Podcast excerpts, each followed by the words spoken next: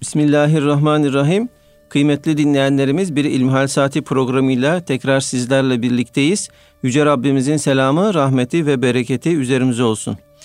Efendim sizlerden bize ulaşan ilmihal sorularına değerli hocamız Doktor Ahmet Hamdi Yıldırım cevap veriyor. Muhterem hocam ilk sorumuz şöyle. Selamünaleyküm diyor dinleyicimiz. Bir arkadaşım Milli Savunma Üniversitesi'nde okuyor. Ramazan'da oruç tuttuğunu ancak zorunlu havuz talimlerine katıldığı için oruçların sıhhatine güvenmediğini belirtti. Şimdi bu arkadaşım oruçlarını kaza etmek zorunda mı yoksa zaruri bir durum olduğu için oruç geçerli olur mu diye soruyor. Elhamdülillahi Rabbil Alemin ve salatu ve selamu ala Resulina Muhammedin ve ala alihi ve sahbihi ecmain. Cenab-ı Allah'a kulluk borcumuz dünyadaki bizim ilk vazifemizdir.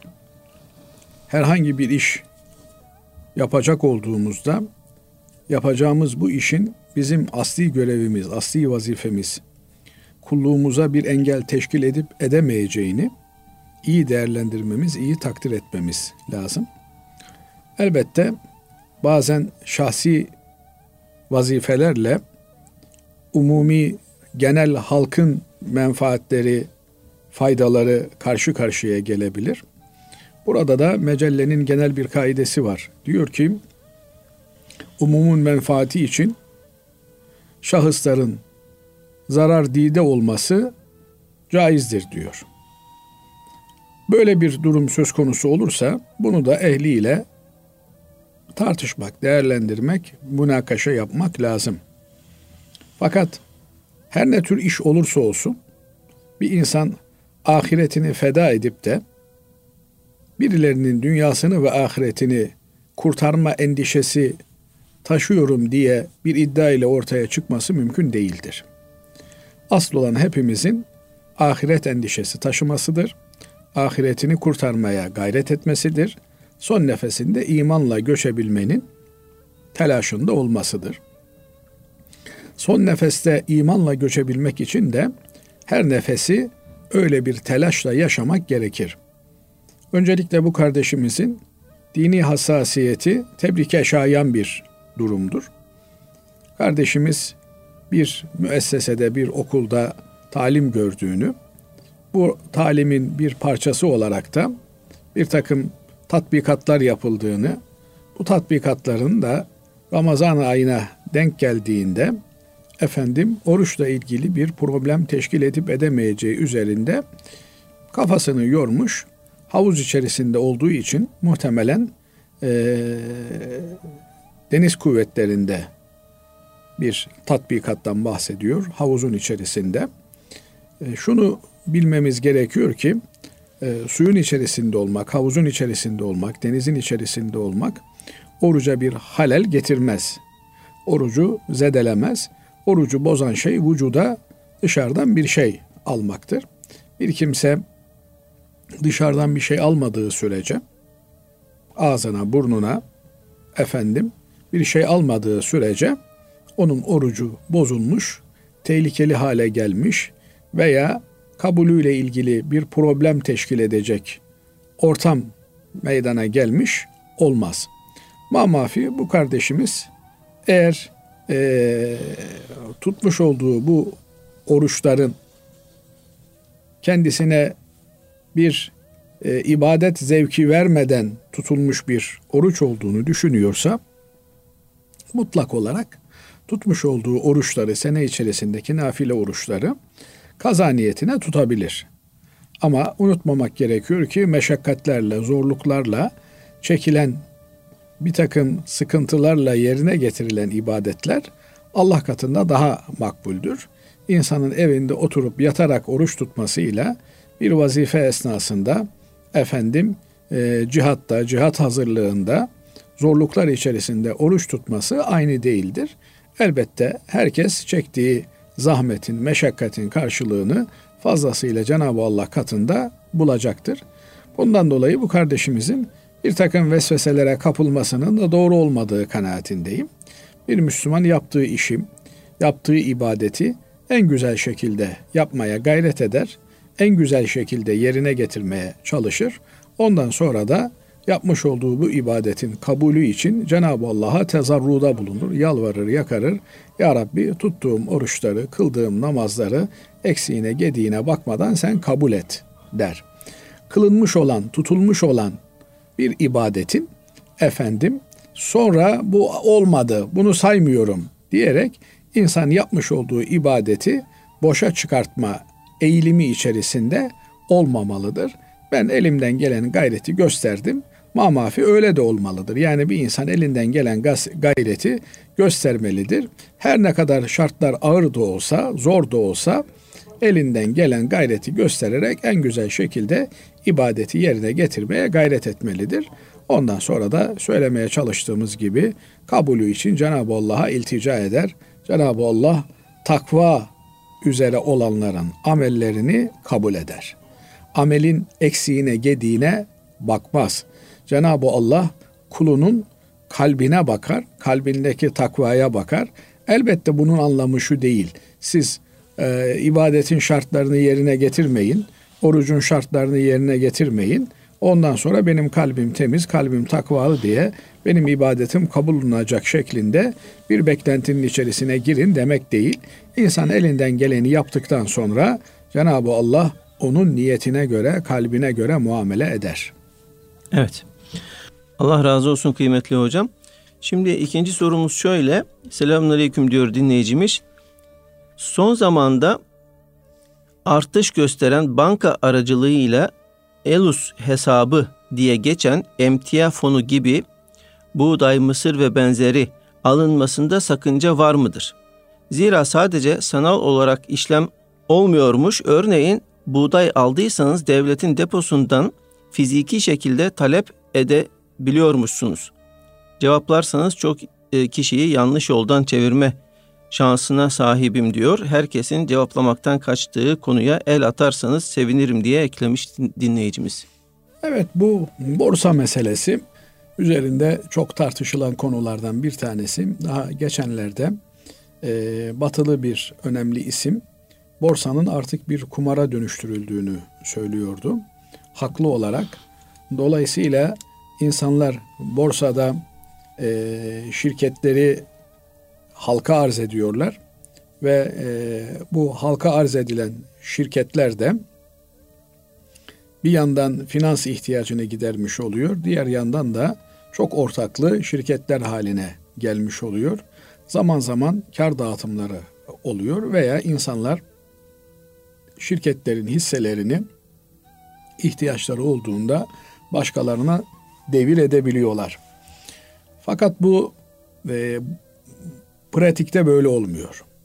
Pratikte bir takım e, nedenlerle, bir takım suni dalgalanmalarla e, çok hızlı bir şekilde e, gerçek olmayan değerlere ulaştığı ve yine bir takım manipülatif hareketlerle e, gerçek değerlerinin altına şirketlerin değerlerinin çekildiği ve e, amiyane ifadesiyle özür dilerim dinleyicilerimizden keriz silkeleme hareketleriyle e, bir takım sermaye sahiplerinin, kapital sahiplerinin borsada istedikleri gibi at oynattıklarını zaman zaman takip ediyoruz, görüyoruz, hissediyoruz. Dolayısıyla e, borsa doğru işlemesi durumunda güvenli bir liman olması gerekirken maalesef bu tekim e, bu tür e, eylemler e, yüzünden tamamen spekülatif bir alana açılmış hale geldiğini görüyorum ben şahsen. E, şirketlerin hisselerinin bu şekilde borsa üzerinden devrinin yanı sıra bir takım kıymetli e, madenlerin ve e, bir takım emtianın da borsada satıldığını görüyoruz. Nitekim bu tür e, zirai mahsuller borsaya açılıyor ve böylelikle çiftçinin mağdur edilmemesi e, gündeme getiriliyor. Fiyatın gerçek olarak şekillenmesi ve açık pazar şartlarında şekillenmesi böylelikle herkesin emeğinin karşılığını alması gibi bir hedef güdülürken orada da yine bakıyorsunuz bir takım e, büyük devletler, bir takım e, deniz aşırı şirketler e, bir takım büyük fonlar istedikleri bir takım e, mallar üzerinde yine e, yüklük miktarda alımlar yaparak bunlar üzerinde de spekülatif eylemler oluşturabiliyorlar. Böylelikle insanların çok ciddi anlamda e, zarar gördüğünü, fakir fukaranın neticede efendim fakirliğinin daha da arttığını görüyoruz. Bugünlerde yaşadığımız işte e, söylenenlere göre ben e, iktisatçı değilim. E, siyasal iktisadı da e, takip etmek durumunda değilim. Ama Çin'in yoğun bir şekilde işte bir iki senedir gıda stokladığı, bundan dolayı da e, gıda fiyatlarının gelecek senelerde daha da artacağı yönünde. Yine işte bir takım büyük e, şirketlerin stokçuluk yaptığı, büyük şirketlerden kastım yerel ölçekte şirketler değil, bunlar küresel şirketler, büyük fonlar. Dolayısıyla böyle bir ortamın içerisinde e, bir insan e, işte hububat borsasından pirinç alıyor, e, mercimek alıyor, buğday alıyor. Eğer bu alım satımlardan maksat adam buğday işi yapıyor, efendim mercimek işi yapıyor. Bu mercimeği satacak toptancısı veya parakendecisi ise bunu alıp dükkanında satması veya deposunda bulundurması veya deposu olan birinden işte şu kadar filan vadede teslim edilmek üzere almasında bir sakınca olmadığı gibi, bir mahsur olmadığı gibi e, eğer insanların kolayca gıdaya ulaşabilmeleri niyetini taşır, Cenab-ı Allah'ın e, kullarının afiyetle e, ihtiyaçlarını görmelerini hedeflerse sevap da kazanır.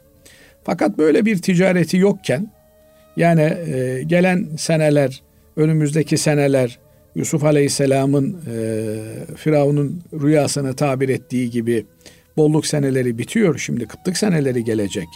Bu kıtlık senelerinde ben e, paramın değerine değer katayım türünden ihtiyacı olmadığı halde, meşguliyet alanı olmadığı halde bu tür şeylere yönelmesi doğru değildir diye düşünüyorum. Bunların e, bir fırsatçılık olduğunu, bir stokçuluk olduğunu düşünüyorum. Niye? Çünkü ihtiyacı olan insanlar buğdayı aldıklarında ihtiyaçlarını görürler. Ama ihtiyacı olmayan stoklama yapmak üzere birileri eğer bu tür malları alıyorlarsa o zaman bu malların fiyatları piyasada artar. Artınca da yine bundan fakir fukara, e, düşük gelirli insanlar zarar görmüş olurlar. Bugün maalesef suni olarak fiyatların artışının arkasındaki sebep de budur. İnsanlar ihtiyaçlarını değil ihtiyaç fazlalarını alıyorlar ve sanki e, kıtlık olacakmış gibi bir yıllık, iki yıllık stoklamalar yapıyorlar. Ondan sonra buzdolaplarında, dolaplarda, raflarda kullanım tarihi geçmiş olan ürünleri ayıklamayla, onları atmayla meşgul oluyorlar. Hatta zaman zaman haberlerde de görüyoruz, işitiyoruz ki işte e, domatesler denize dökülmüş, bilmem e, limonlar tarlaya atılmış. Bunun sebebi e, aşırı bir hırs ve tamahkarlık olmuş oluyor.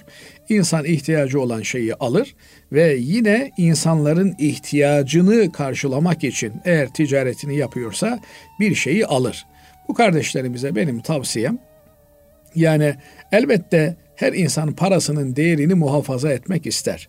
Paranın değerini para cinsinden bir şeyle muhafaza etme hakkı herkesin en tabii e, hukuki ve dini hakkıdır. Ama bu tür insanların veya hayvanların gıda olarak kullandıkları, tükettikleri maddeler üzerinden e, işi olmadığı halde, meşguliyet alanına girmediği halde stokçuluk yapmak anlamına gelebilecek alımlar, tutumlar bunlar piyasa dengeleriyle olumsuz oynama anlamına geleceği için Hz. Peygamber Efendimizin hadislerinin yekününden anladığımız piyasaya her türlü olumsuz etki yapabilecek enstrüman yasaklanmıştır. Nitekim Efendimiz Aleyhisselatü Vesselam iki kişi bir alışveriş yaparken alma maksadı olmaksızın sırf fiyatı kızıştırmak, artırmak için araya girmeyi yasaklar. Burada da bir kimse eğer buğday ihtiyacı var da buğdayı alıyorsa diyecek bir şey yok. Ama buğdayı almıyor. Buğdayı efendim bir parayı değerlendirme vasıtası olarak görüyorsa bu yanlış yapıyordur. Ama buğday ticareti yapıyorsa ihtiyacı olduğunda efendim kardeşimiz diyor ya e, TMO'da bunun fiziki karşılığı da var. Oradan çekme imkanı varsa bu tür enstrümanları kullanabilir. Değilse kullanmasının doğru olmadığı kanaatindeyim. Evet. Değerli hocam biraz enteresan bir soru ulaşmış. Diyor ki dinleyicimiz inek hastalanmış iyi olur diye kola içirmişler. O ineğin sütü, yoğurdu yenir mi yoksa haram mıdır diyor. Şimdi kola haram mıdır? Önce bunu cevaplandırmak lazım. Ondan sonra da e, haram olan bir şeyi bir hayvan içtiğinde e, onun e, sütünün yo, o sütten yapılan yoğurdun, peynirin e, yenilip yenilmemesi meselesi söz konusudur. Öncelikle şunu ifade edelim ki eşyada asıl olan ibahadır denilmiş. Yani Cenab-ı Allah her şeyi bizim için helal olarak yaratmıştır. Haram olduğuna dair bir delil bulunması gerekir. Bu tür içeceklerin haramlığına dair meseleler ya sarhoş edici olmalarıdır ya da işlerinde şer'an temiz olmayan bir madde bulunmasıdır. Mesela bir bardak suyun içerisine affedersiniz bir damla kan düşmüş olsa bu su içilmez. Bu su artık murdar olmuştur. Şer'an dinen pis sayılır. Yine efendim bir bardak suyun içerisine bir damla e, şarap bulaşmış olsa bu da pistir, içilmez. Binaenaleyh bir içeceğin haram olması eğer çalıntı vesaire filan değilse ya sarhoş edici bir maddenin içerisine girmesiyle ya da e, temiz olmayan, şer'an dinen pis olan bir maddenin içerisine girmesiyle söz konusu olur veya sağlığa zararlı bir madde içerisinde barındırır. Mesela e, sarhoş edici değil, efendim pis de değil ama e, insanlarda bağımlılık yapıyor. E, psikolojilerine efendim e, fiziki olarak sağlıklarına zararlı bir madde ihtiva ediyor. E, işte kansızlığa sebep oluyor, şuna sebep oluyor, buna sebep oluyor diye sebep sonuç ilişkisi kesin bir zararlı madde varsa bundan dolayı yasak hale gelir. E, Coca-Cola ile ilgili ve benzeri kolalarla ilgili tartışmalar bulunuyor. Ama bu tartışmalar nihai olarak bunlarla ilgili e, haram li aynihi dediğimiz yani şunu ifade etmeye çalışıyorum. Bir şey bir sömürü aracı olarak kullanıldığında, kültürel bir e, değişim aracı olarak kullanıldığında ona verilecek olan hüküm onun kendisiyle alakalı değil, mücavir illetler dediğimiz yani e, ekstra nedenlerden dolayı e, yasak kategorisine alınmasıdır.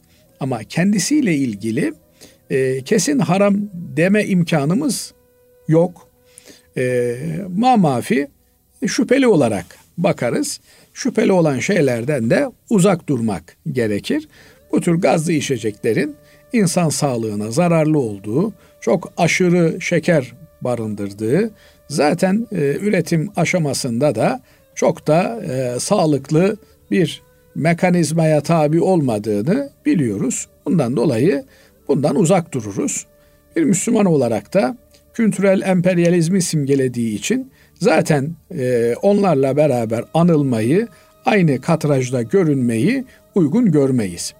Onun yerine misali biraz daha değiştirelim. Mesela e, hayvancağızın önüne işte bira konulmuş, şarap konulmuş, daha böyle haram olduğu belli olan bir şeyi koymuşlar ve bunu içmiş bu hayvan. Belli bir müddet sonra da işte süt sağmışlar. Bu süt içilir mi? İçilir. Niye?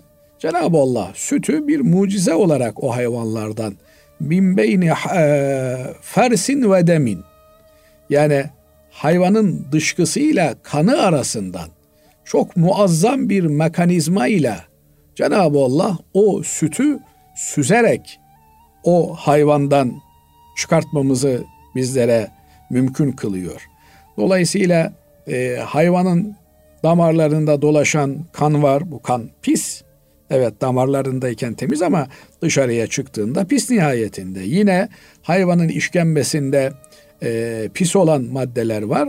Fakat onlara bulaşmadan muazzam bir arıtma tekniğiyle, süzme tekniğiyle yeşil ot yiyor bu hayvan veya işte sarı saman yiyor veya küspe yiyor her neyse oradan bembeyaz musaffa lebenen musaffa süzülerek arındırılarak bir süt çıkartılıyor. Dolayısıyla bu e, sütün kirlenmesi e, söz konusu olmaz. Fakat bir takım kümes hayvanları vardır ki bunlar haram şeylerle beslenmişlerse o zaman veya pis şeylerle beslenmişlerse onların belli bir müddet bekletilmesi ondan sonra kesilip etinin yenilmesi e, fıkıh kitaplarımızda anlatılır. Mamafi ete sirayet etmesi belki biraz daha bu anlamda kolaydır ama süt buradan bağımsız bir şekilde e, teşekkül eder. Bu yönüyle sütüyle ilgili bir problem olacağını düşünmüyorum. Cenab-ı Allah e, e, yediğimiz, yiyeceğimiz şeylerin helal olmasını bizlere nasip eylesin. Hakikaten haramla muhatap olduğunda alarm veren bir kalp sahibi olmayı nasip eylesin. Kendisini helalinden yemeye, içmeye alıştıran bir kimse hakikaten bir müddet sonra kalp de hassaslaşıyor. Bazı şeylere karşı yemeden e, uzak durmaya gayret ediyor. Nitekim rivayet edilir büyüklerden biri talebesinin evine gitmiş. Orada e, yemek ikram edilmiş, yememiş. Efendim demiş ben biliyorum sizin çok helal hassasiyetinizin olduğunu. Bunu kendim çok özel gayretlerimle çalışarak helalinden e, aldım deyince mübarek demiş ki evladım yemeğin helalliğiyle ilgili bir problem yok da demiş. Pişiren demiş pek gönülle pişirmemiş.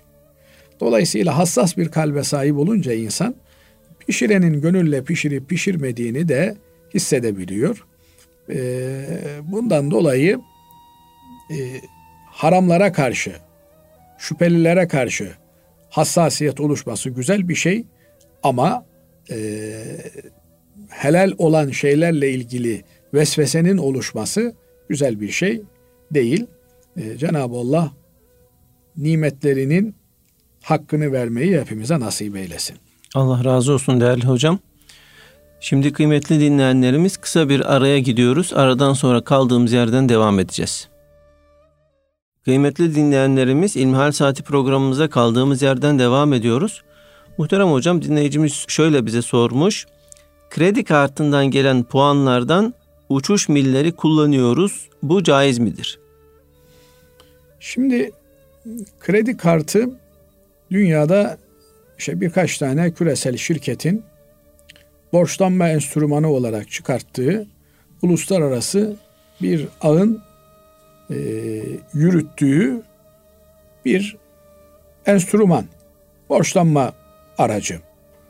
E, bu kartı kullanmaya başladığınızda siz de bu çarkın bir üyesi haline geliyorsunuz.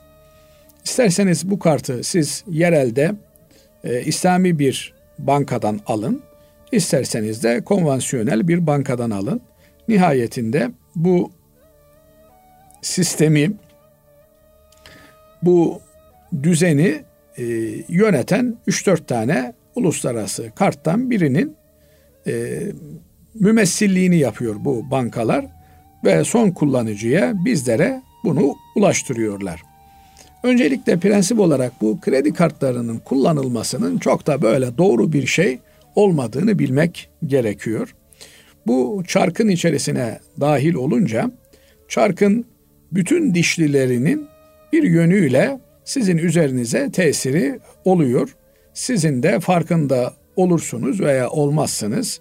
O e, değirmenin suyuna bir katkınız oluyor.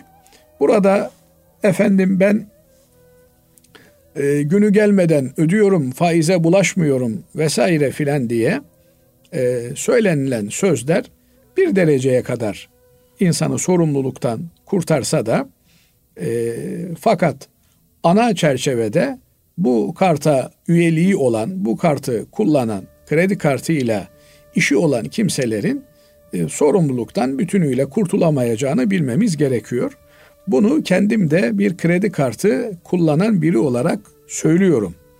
Yani benim kullanıyor olmam, sizin kullanıyor olmanız bunun efendim e, problemsiz olduğu anlamına gelmiyor. Doğru olan insanın elindeki parasını harcaması, kullanmasıdır. Fakat bazen bakıyorsunuz nakit para kullandığınızda enayi yerine çok özür dileyerek ifade ediyorum koyuluyorsunuz. Kredi kartı kullandığınızda kuruşu kuruşuna e, ödemeyi yaptığınızı ama işte eskiden müşterinin lehine yapılan yuvarlamaların bugün e, bir takım ticari mahallerde satıcı lehine olduğunu, işte 93 liralık veya 98 kuruşluk bir şey ise otomatik olarak 1000 lira alıyor adam. 2 kuruş geri verme imkanı yok. Ama kredi kartında 98 kuruş olarak bazı kardeşlerimiz diyor ki ben bundan dolayı işte kredi kartını kullanmayı tercih ediyorum. Alakülle hal doğru olan kredi kartını kullanmamaktır. Kullanıyorsak şayet o zaman da yapılması gereken bu kartların bir ödeme aracı olarak kullanılması. Bunun ötesinde bir puanıydı, şuydu, buydu buna tamah edilmemesidir. Ama e, eğer bir şirketle bir anlaşma yapmışsa mesela e, mil denildiğinde genelde Türk Hava Yolları ile yapılan bir anlaşma gereği yapılan alışverişlerin karşılığı olarak Türk Hava Yolları e, kartlarını kullananlara mil veriliyor. Bu miller de kişiye uçma imkanı e, sağlıyor. Türk Hava Yolları'nın uçaklarını, e, biletlerini kullanma imkanı sağlıyor. Benim kanaatim bunlar kullanılıyorsa da bunların bedellerinin fakir fukaraya ödenilmesi şeklindedir. Doğru olan budur. E, ama eğer kullanılan kredi kartı e, zaten konvansiyonel bir bankadan alınmış bir kredi kartıysa buradaki temel problem e, bir Müslümanın peşinen faizli bir muameleyi onaylaması ve ben icap ederse faiz öderim diye ön taahhütte bulunmasıdır. Bunlar bir Müslüman için e, rahatsız edici şeyler olmalı. Böyle bir metne bir Müslümanın imza atması doğru değildir. E, diğer taraftan e, katılım bankaları İslami finans sektöründe yine bu e, faiz oranlarına benzeyen kar payı oranları kullanılmaktadır, konuşulmaktadır. Bu da doğru bir şey değildir. Kar payı geriye dönük hesaplanabilecek bir şeydir. Yani iki ay geç ödersen e, işte aylık yüzde 2.2 kar payı tahakkuk ettiririm demek. İleriye yönelik karım mı zararım mı olacağını bilme imkanı yoktur bir kimsenin. Fakat buradaki temel problem şu. İslam iktisadı dediğimiz veya e, Müslümanların iktisadı olarak e, göreceğimiz şey önce Müslüman kimliğinin, Müslüman ahlakının oluşmasıyla teşekkül edebilecek bir şeydir. Biz kapitalist ahlakın egemen olduğu bir toplumda İslami enstrümanları, iktisadi araçları kullanmaktan bahsediyoruz ki bunlar neresinden tutarsak tutalım doğru sonuçlar vermeyecektir. Çok lafı uzatmadan kısaca ifade etmek gerekirse bu tür promosyonları bir insan kullansa da bunun bedelini fakir fukaraya ödemesi en doğru olandır. Ama kendisi de bir ihtiyaç sahibi ise o zaman kendisi bunları kendi e, adına da kullanabilir. Evet. Diğer bir dinleyicimiz şöyle yazmış. Adem aleyhisselama günahkar denilebilir mi? Tüm peygamberlerin olmazsa olmaz sıfatı ismet sıfatıdır. Evet. İsmet peygamberlerin günahsız olmalarıdır. günahsız olmayan birinin peygamber olması mümkün değildir. Eğer siz Adem'e, İdris'e, Nuh'a aleyhimussalatu vesselam bu peygamberlere günahkar derseniz o zaman bunların peygamber olmadığını söylemeye çalışıyorsunuz demektir. Bu çok tehlikeli bir ifade olur. Şimdi kardeşimiz diyecek ki ama Kur'an-ı Kerim'de faasa Ademu rabbahu fagava diye bir ayeti kerime var. Şunu unutmamak gerekiyor ki Cenab-ı Allah kullarına istediği gibi hitap etme hakkına sahiptir. Yani Cenab-ı Allah'ın kullarıyla olan ilişkisi kulların kullarla olan ilişkisi gibi değildir. Cenab-ı Allah Rab olduğu için, yaratıcı olduğu için kullarına istediği gibi niteleme, nitelemede bulunabilir. Ama Allah Adem'e hitaben veya Adem'den haber verirken aleyhimussalatu vesselam bütün peygamber efendilerimize salat ve selam olsun. Adem Rabbine isyan etti diyor. Ve e, fagava dalalete düştü.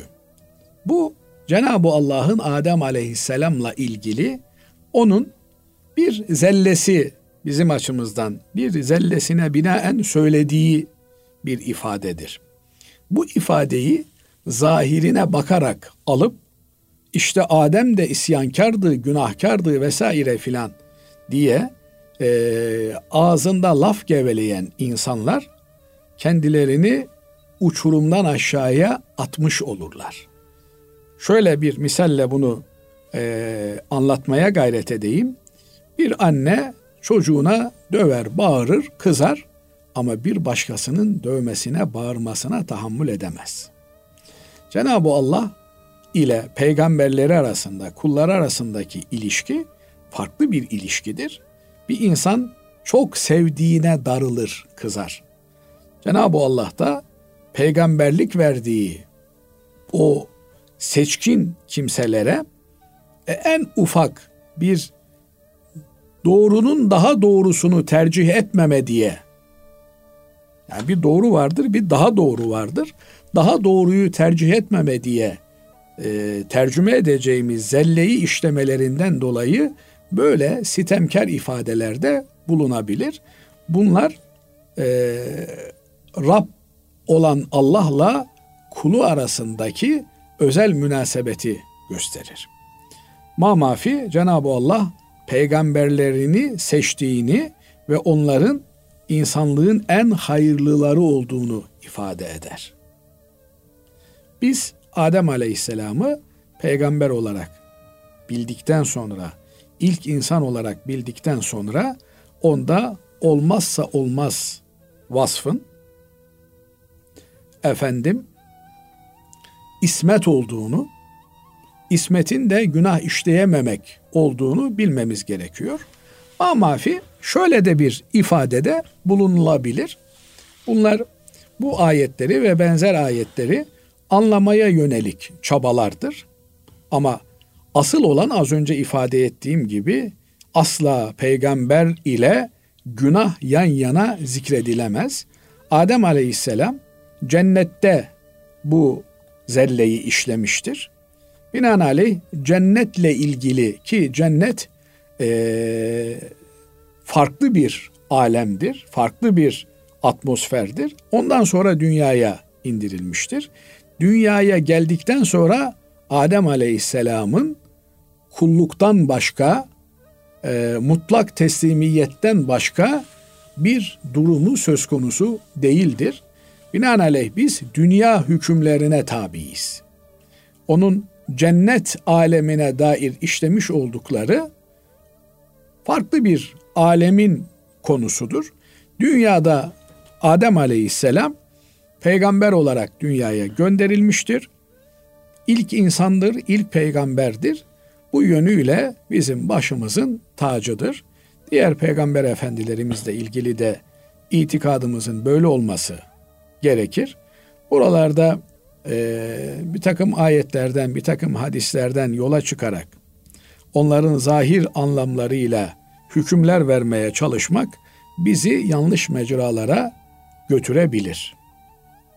bizim bütün peygamberlerle ilgili bilmemiz gereken onlarda bulunması olmazsa olmaz zorunlu olan şu beş sıfatın onlarda bulunduğunu bilmektir. Bütün peygamberler günahsızdır. Bütün peygamberler zekidirler. Bütün peygamberler sadıktırlar, doğrudurlar, emanet ehlidirler. Asla emanete hıyanet etmezler ve bütün peygamberler tebliğ vazifesini yerine getirmişlerdir. Hiçbir peygamber vazifesinden kaçmış değildir. Binaenaleyh bu beş vasıf bizim peygamberlerle ilgili e, kanaatimizi oluşturan olmazsa olmaz temel rükünlerdir. Allah razı olsun hocam. Efendim şimdi dinleyicimiz şöyle diyor. Satış ortaklığı yapmak caiz midir? Devam ediyor. Yani örneğin ben bir e-ticaret sitesinde bir ürünün satımı için sosyal hesabımla reklam yapıyorum ve ürün satıldığı takdirde bana site tarafından komisyon ücreti veriliyor. Bu caiz midir? Değilse hangi durumlarda caiz olur diye soruyor. Şimdi ortaklık kar ve zarar ortaklığı olmak üzere temelde kar ve zararı paylaşmak üzere yapılan e, işbirliği anlamına geliyor. Eğer bu kardeşimiz böyle bir e, işbirliği yapıyorsa bunun adına ortaklık denir. Ama e, kar ve zarar bir tarafa ait sadece diğer taraf e, işin karında varsa o zaman burada bu eylemi ortaklık olarak tanımlamak doğru olmaz. Evet e, bir fabrikada çalışan işçiler de fabrikanın patronu gibi üretimi ortaktırlar. Fakat burada birinin e, sıfatı işçi, diğerinin işverendir. Binaenaleyh işçi maaşını bilir. Fabrika kar da etse, zarar da etse o kendi maaşını bilir. Fabrikanın diğer mesuliyetleri onu bağlamaz. Fakat patron öyle değil, işveren öyle değil. O e, kar ettiğinde karı alır, zarar ettiğinde de zararı e, yüklenir, tahammül eder. Bu kardeşimizin çizmiş olduğu e, tabloda böyle bir ortaklık görünmüyor. Yani ben sosyal e, mecralarda bir ürünün tanıtımını yapacağım. O ürün satıldıkça ben de bundan komisyon alacağım. E, satılmazsa, ürün e, tutmazsa, işletme iflas ederse benim bir sorumluluğum var mı? Yok. Dolayısıyla bunu bir ortaklık olarak bu anlamda görmemek lazım. Belki bir işçilik olarak, e, hizmet sektörü olarak görmek lazım. Bu kardeşimiz bir firmanın e, bir ürününe hizmet e, sunuyor. Bu hizmetinin karşılığı da satış üzerinden prim alıyor, komisyon alıyor. Bu biraz daha bizim e, mudarabe dediğimiz emek bir taraftan, sermaye bir taraftan e, eylemine de benziyor ama tam da öyle değil. Çünkü nihayetinde bu kardeş sadece işin tanıtım boyutunda var, reklam boyutunda var ve kendi sosyal mecrasını, takipçilerini bir tanıtım aracı olarak kullanıyor. Onun üzerinden gelen müşterilerle ilgili de bir prim ödeniyor kendisine. E, görünen kadarıyla öyle bir e, prim ödenmesinde bir problem gözükmüyor. Yani e, ilk bakışta anladığım kadarıyla e, ama işin detaylarında farklı şeyler var mı yok mu onu bilmiyorum. Yani bir insan işte eskiler bunu şöyle ifade ederler.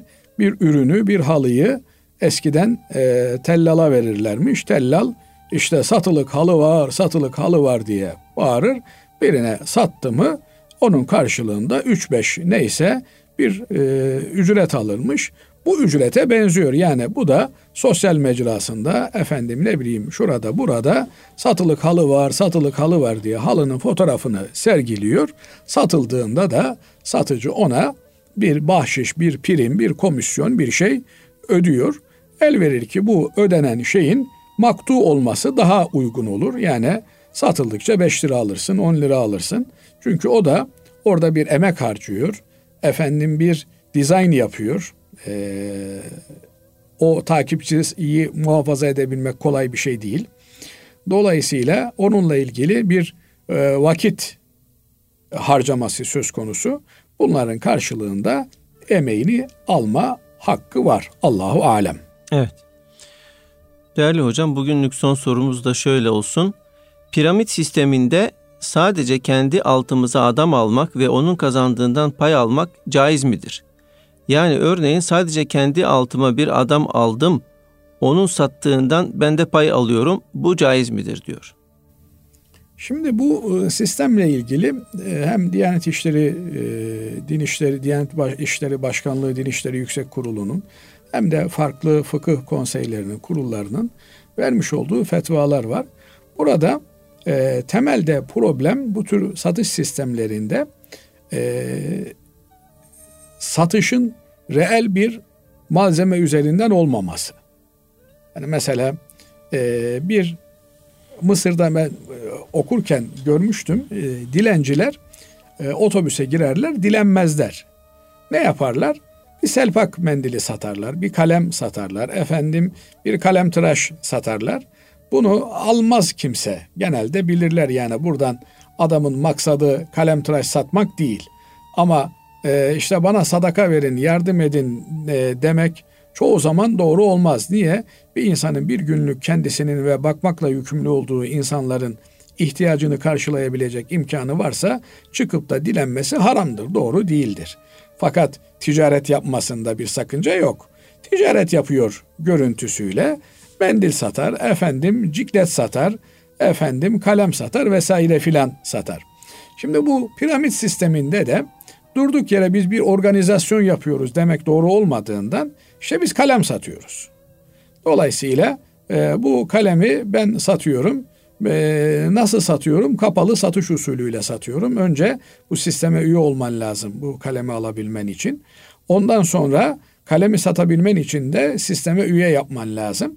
Şimdi e, alışveriş bellidir. Yani alışverişin içerisine bir başka şartı koymak bu yasaktır. Hazreti Peygamber aleyhissalatü vesselam Efendimiz e, alışverişin şarta bağlanmasını yasaklamıştır.